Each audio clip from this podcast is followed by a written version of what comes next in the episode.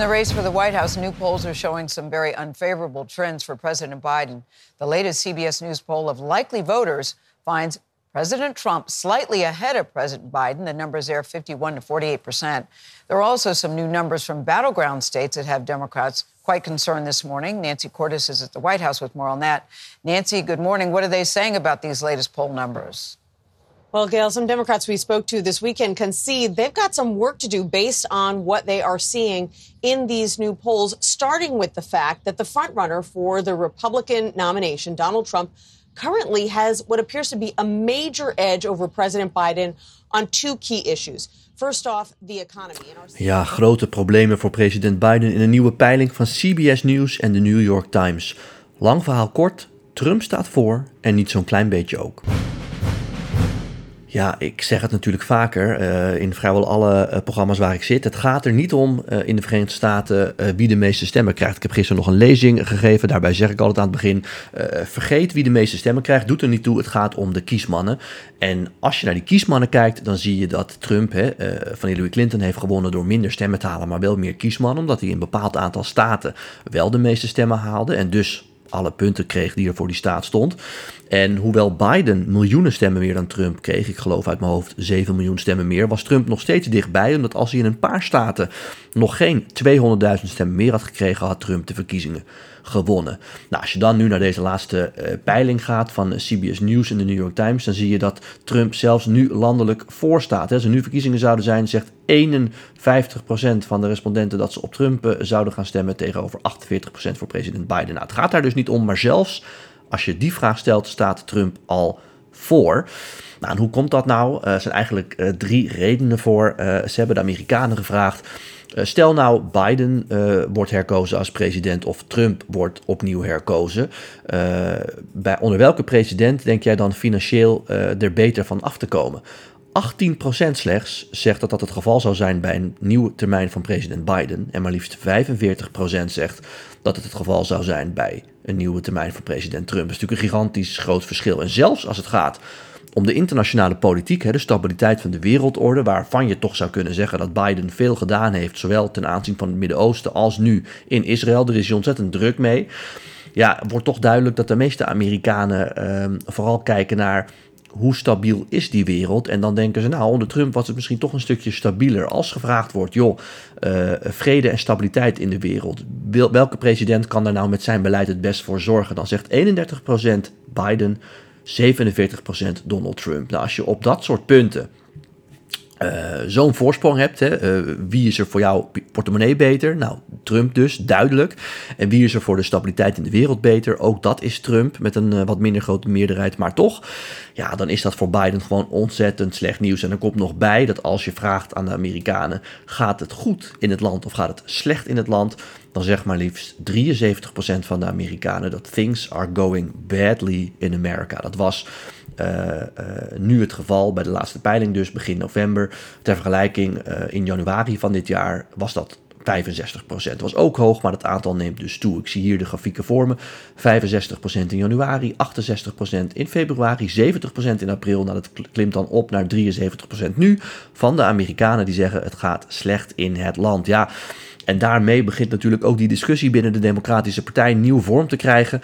Uh, president Biden heeft altijd gezegd: Ik ben degene, de enige die Trump verslagen heeft. Uh, de Republikeinen is het niet gelukt. Hè? In de voorverkiezingen. Hillary Clinton is het niet gelukt in de landelijke verkiezingen. Mij wel. Jullie moeten bij mij zijn om dat grote oranje gevaar nog één keer uit het Witte Huis te houden. Maar ja, dat argument dat is natuurlijk een stuk minder sterk geworden. Nu peiling na peiling na peiling. Want dit is een desastreuze peiling voor de president. Maar geen uitschieter. Er zijn meerdere peilingen die dit laten zien.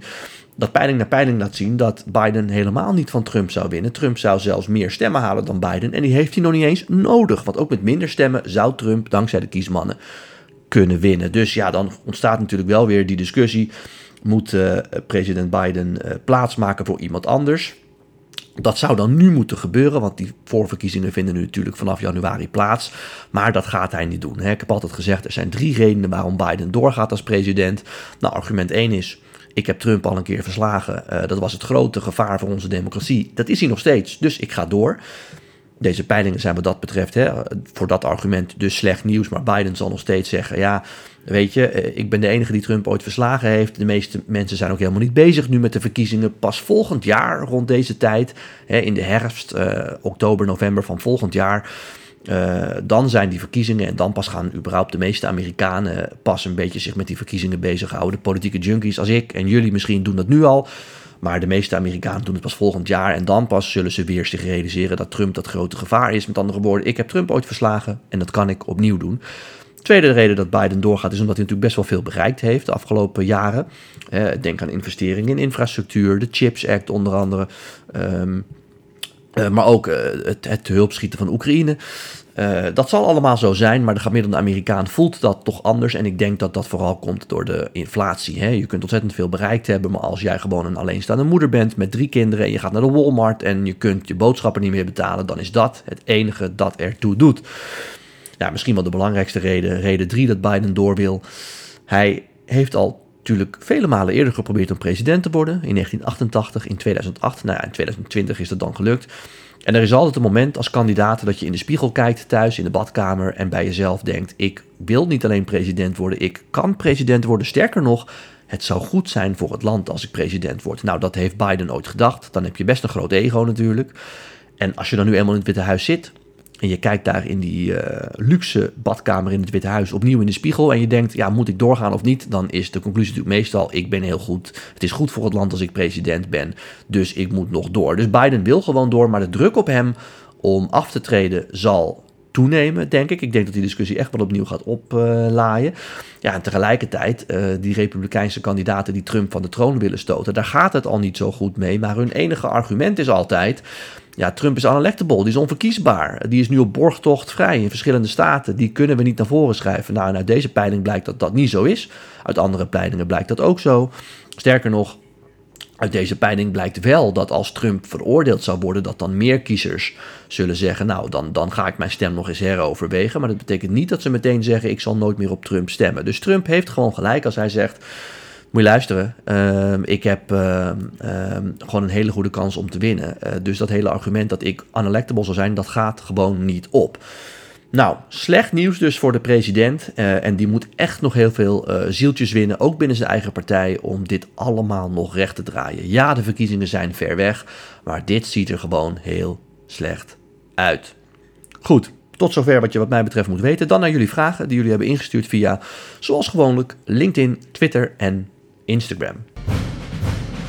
Ja, en veel vragen hebben jullie ingestuurd, dus die behandel ik allemaal even samen. Onder andere Kim zag ik en uh, Robert. Over de nieuwe stijl van debatteren in Nederland. De meeste van jullie weten dat ik me wel eens irriteer aan hoe die debatten in Nederland altijd gegaan zijn. Hè, met heel veel lijsttrekkers, met rode en groene knoppen, debiele filmpjes.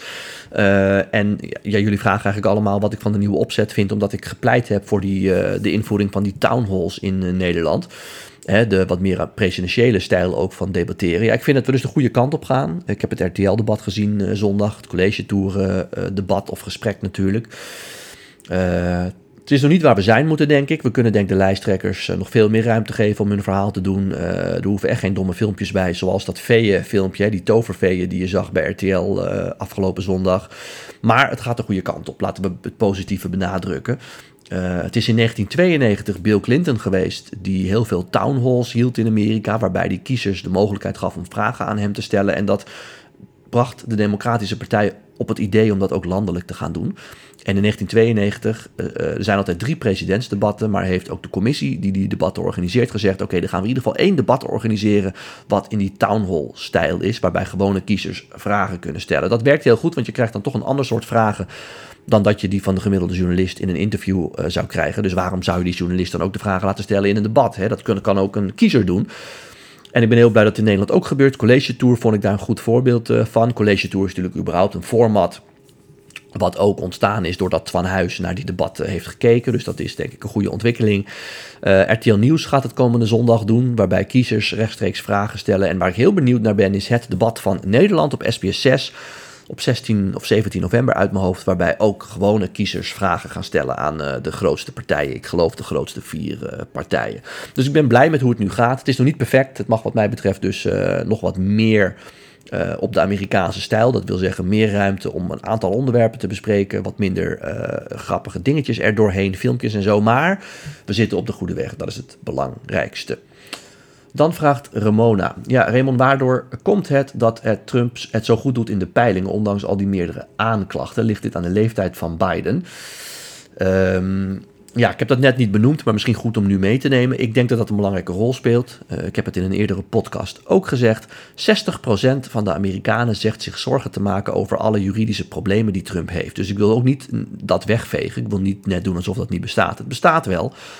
Maar nog eens 70% vindt uh, het problematisch uh, en maakt zich zorgen over de mentale gesteldheid van Joe Biden. Dus de mentale gesteldheid van Joe Biden is gewoon een groter probleem dan de juridische beslommeringen van Trump. Als je bekijkt hoeveel kiezers zich daar zorgen over maken. En ik heb het ook vaker gezegd, uh, vergelijk het eens met het Nederlandse systeem. Stel nou dat wij in Nederland twee partijen zouden hebben en bij de ene partij uh, voert Geert Wilders, uh, zwaait Geert Wilders het scepter moet ik zeggen. En bij de linkse partij zou dat dan Dries van Acht zijn. Die hebben ze van pensioen teruggehaald ja, dan is misschien uh, voor een kiezer in het midden de afweging. Nou, Geert Wilders zegt af en toe dingen waar ik het niet mee eens ben. Komt veel te fel uit uh, de hoek. Doet allemaal dingen die ik niet oké vind. Maar ja, weet Dries van Acht nog wel welke dag het vandaag is? Ja, en uit die twee kandidaten moet je dan kiezen. En daardoor komt het, denk ik, dat Trump alsnog een kans heeft. Dan een andere vraag van Joost. Hey uh, Raymond, ik heb een vraag over Kamala Harris. Voor de gemiddelde Nederlander is zij denk ik sowieso ontzettend onzichtbaar. Uh, zou zij zelf niet voor het presidentschap willen gaan of kan ze dat pas openlijk doen als Biden zou uitvallen? Nou, dat laatste, Joost, is sowieso het geval. Zij kan niet nu zeggen ik wil wel president worden. Dan loop je echt Joe Biden voor de voeten. Dat zou behoorlijk onbeschoft zijn. Daar moet ze inderdaad mee wachten. Het klopt dat ze onzichtbaar is, maar dat komt omdat Joe Biden zelf door wil gaan. En daardoor wil hij haar een beetje klein houden. En dat zorgt er ook voor dat het tussen die twee niet zo botert. Uh, mocht Joe Biden nu alsnog uitvallen of uh, over vier jaar is er weer ruimte bij de Democraten voor een nieuwe kandidaat, dan denk ik wel dat zij gaat proberen om president te worden. Maar dat wordt nog een hele zware kluif, want zij is niet populair. Zeker niet bij de landelijke kiezers. Ze is zowaar nog minder populair dan president Biden. Maar ook onder Democraten is zij niet heel erg populair. Er zijn uh, flink wat andere kandidaten die meer kans maken dan zij om de president op te volgen. Neem Gavin Newsom, de gouverneur van uh, Californië, die vorige week nog bij president Xi in China was. Dus die probeert zich echt neer te zetten als een leider. Maar ook Pete Buttigieg, de minister van Transport. Dat zijn populairdere democraten dan zij. Dat zou er misschien toe kunnen leiden dat zij niet eens meedoet aan die verkiezingen om een uh, ja, pijnlijke afgang, ja, om zichzelf daartegen te beschermen.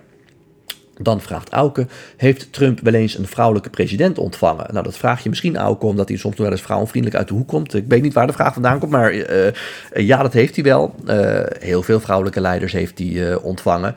Uh, wat ik altijd een bekend voorbeeld vind, is de premier van Noorwegen. Dat was destijds een vrouw. En nadat zij vertrok, heeft Trump toen die opmerking gemaakt: hey, waarom kunnen wij niet meer migranten uit Noorwegen binnen in Amerika halen? In plaats van uit shithole countries als die Afrikaanse landen, weet je wel. Dus toen is toch een beetje bij hem blijven hangen: hey, leuke vrouw, die premier uit Noorwegen. En wat zijn er toch allemaal nette mensen. Dus uh, hij heeft heel veel vrouwelijke leiders ontvangen. Maar natuurlijk ook Angela Merkel van Duitsland en Theresa May van Groot-Brittannië.